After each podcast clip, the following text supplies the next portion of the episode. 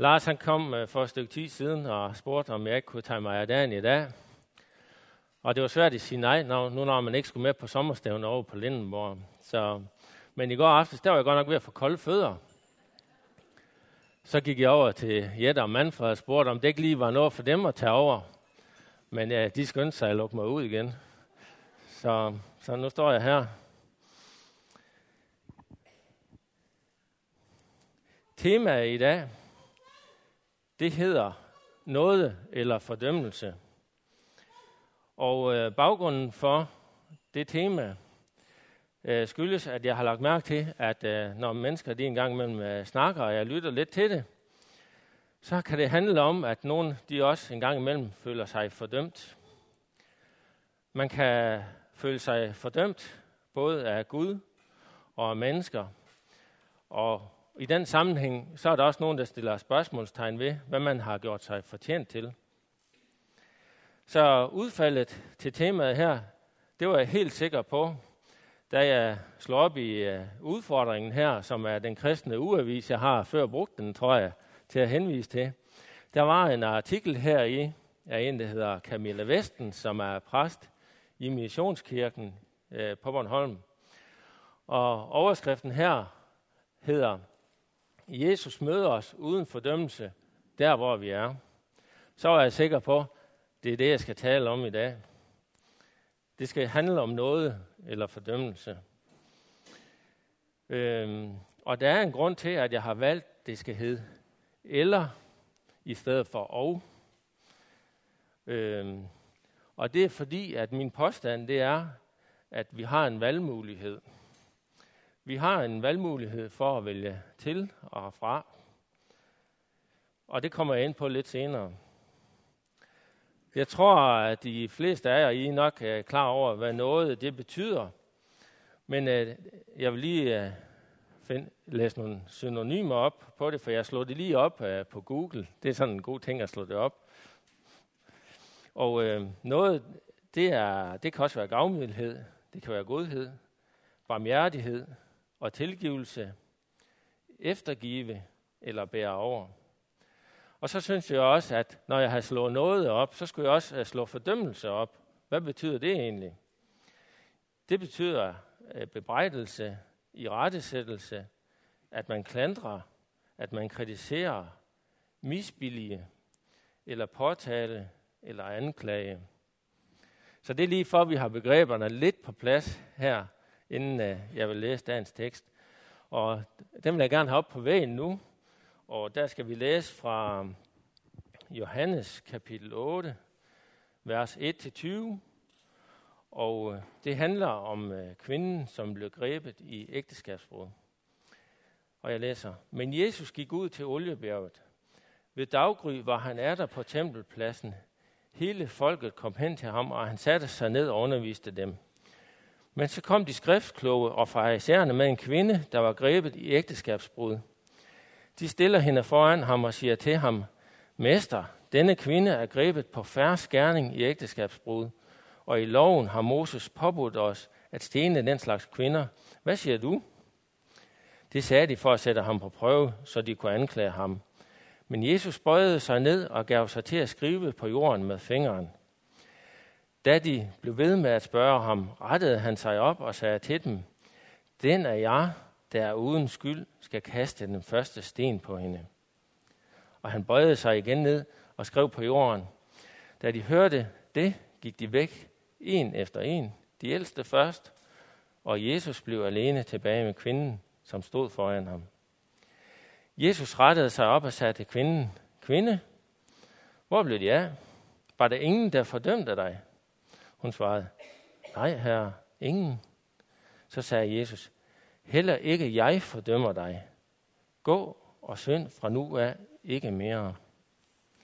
Atter talte Jesus til dem og sagde, Jeg er verdens lys. Den, der følger mig, skal aldrig vandre i mørket, men have, have livets lys. Da sagde farisæerne til ham, Du vidner om dig selv. Dit vidnesbyrd er ikke gyldigt. Jesus svarede, Selvom jeg også vidner om mig selv, er mit vidnesbyrd gyldigt, for jeg ved, hvor jeg er kommet fra, og hvor jeg går hen.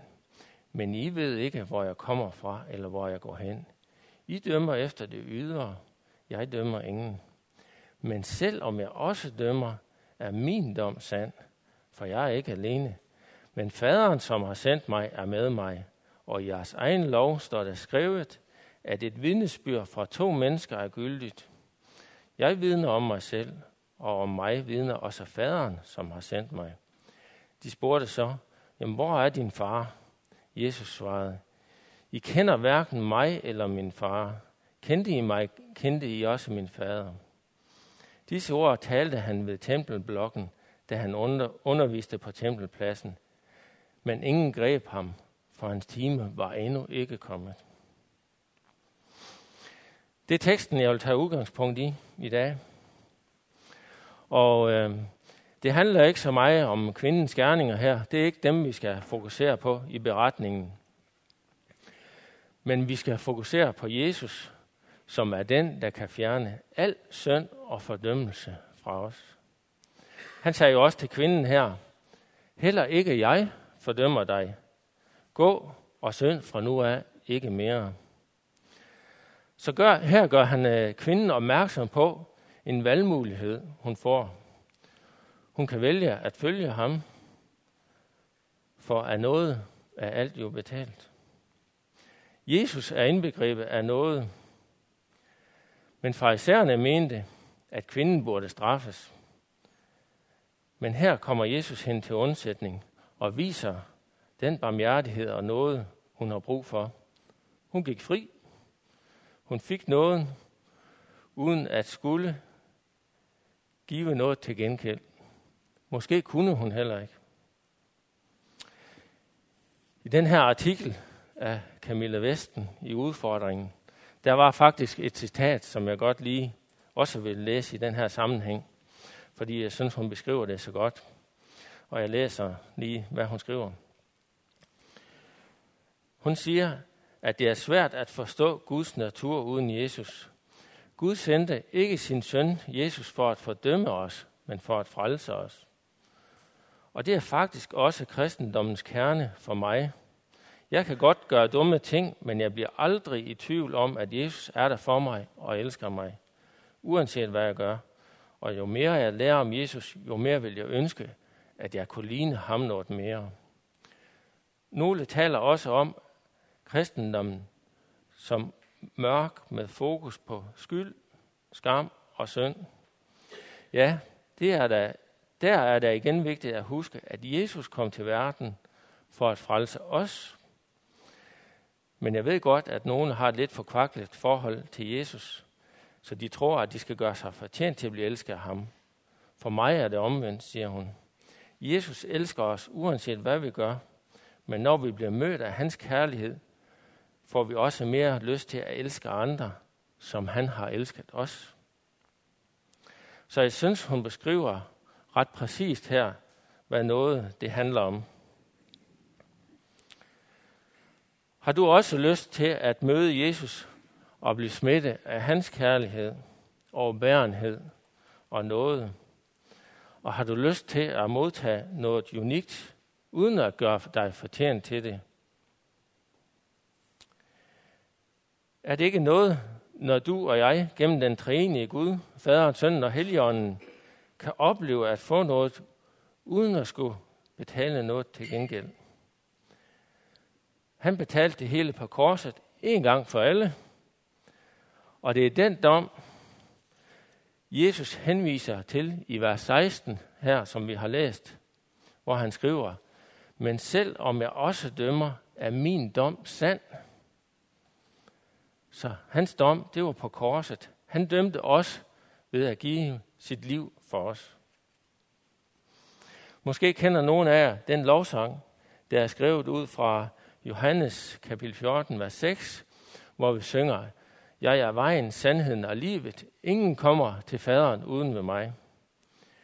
Det er den valgmulighed, vi står over for, som jeg synes er en enestående valgmulighed. Mås- måske forstår vi ikke helt omfanget af, hvad det indebærer.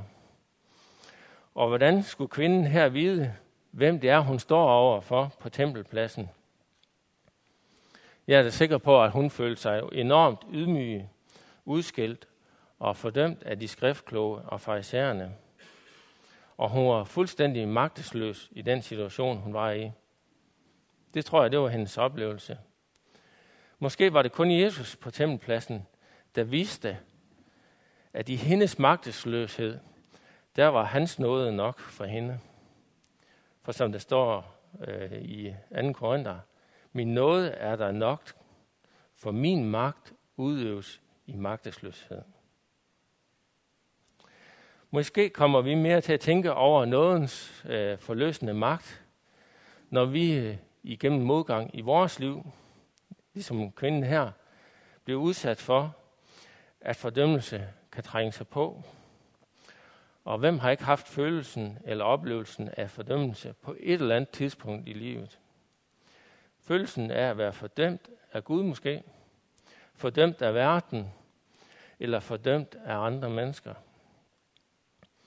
Fordømmelse kan opstå af mange årsager. Fordømmelse sker ofte ud fra ord eller handlinger. Det er der ikke noget nyt i. Og det er faktisk den virkelighed, vi alle sammen vi lever i.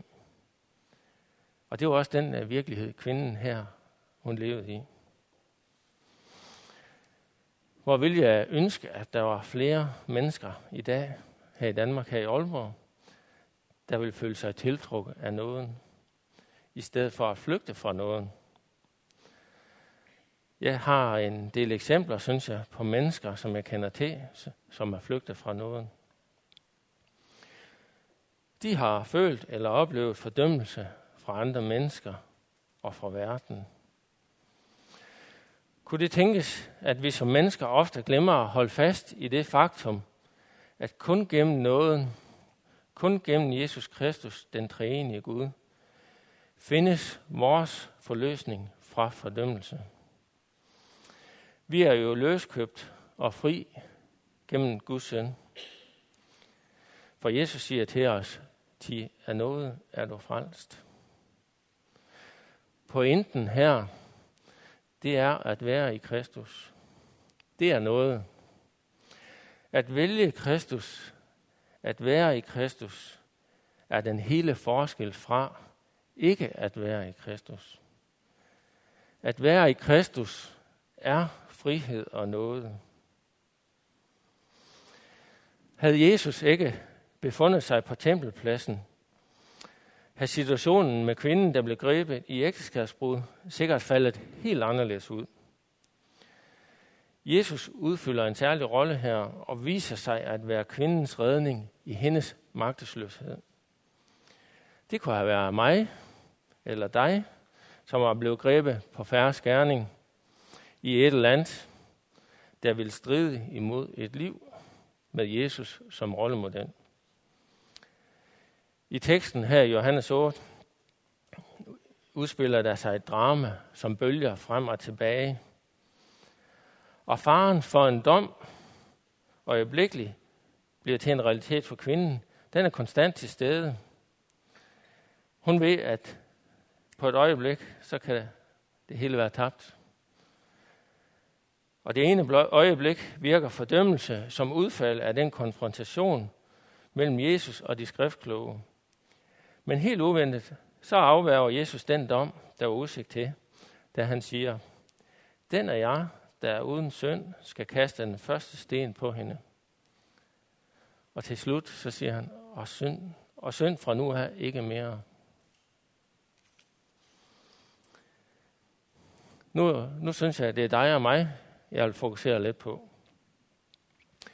Det er også dig og mig, vi læser om her i beretningen i Johannes 8.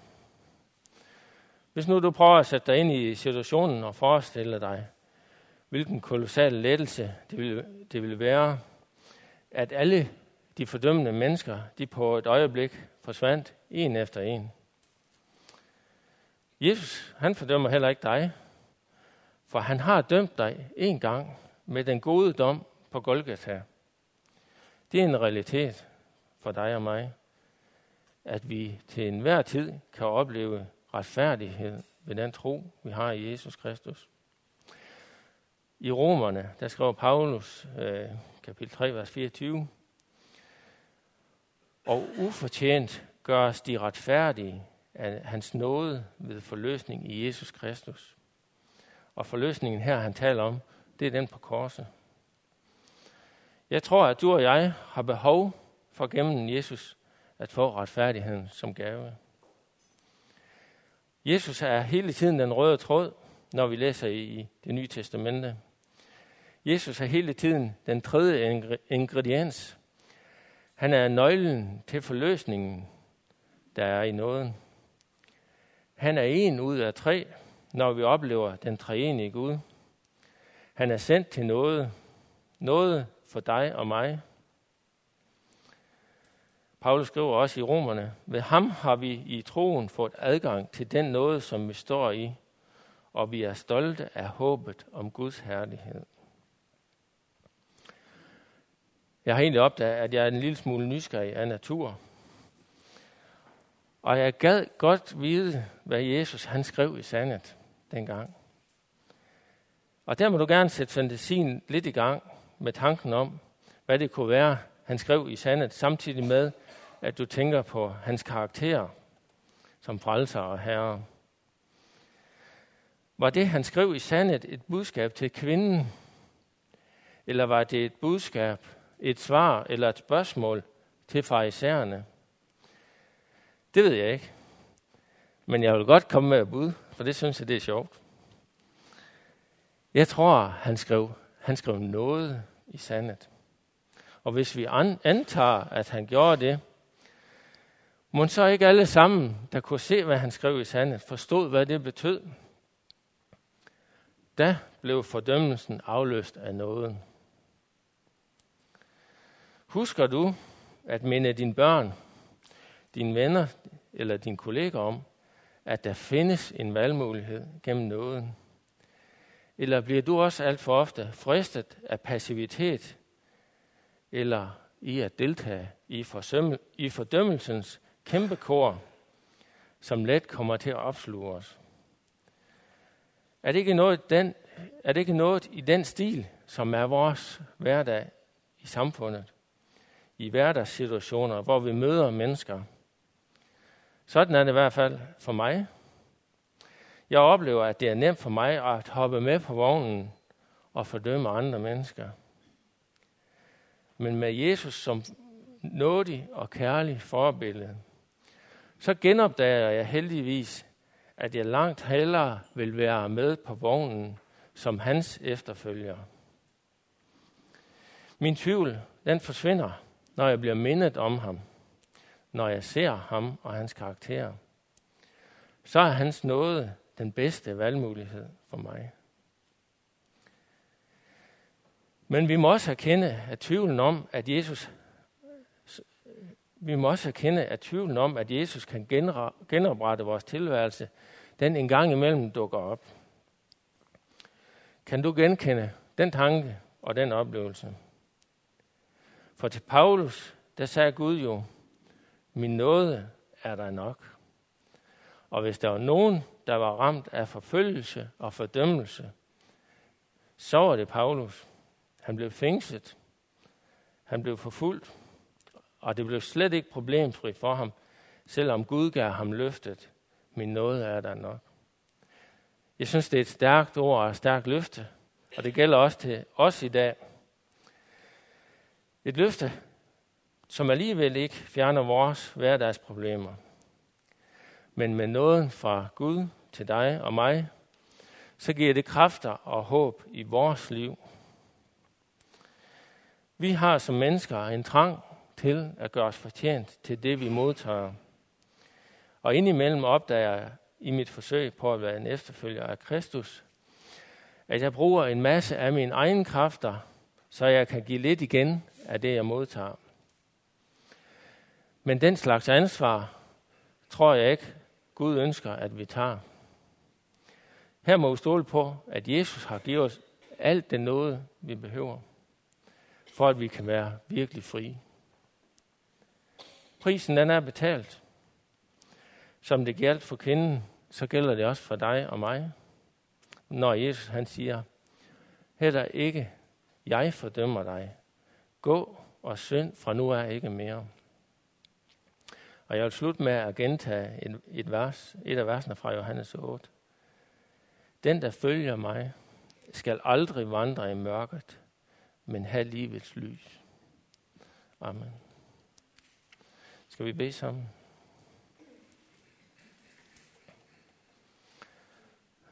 Far i himlen, tak, at du er her midt i blandt i dag. Tak for din nåde og din kærlighed. Og tak, at du har taget dem bort her i dag og for altid. Jesus, jeg beder om, at vi må gå ud og være efterfølgere af dig, og at du må minde os om ved din ånd i os, at vi skal dele det her ord, og vi skal dele nåden og kærligheden med andre. Jesus, tag bolig i os. Vi priser dig, og vi lover dig i dit navn her. Amen.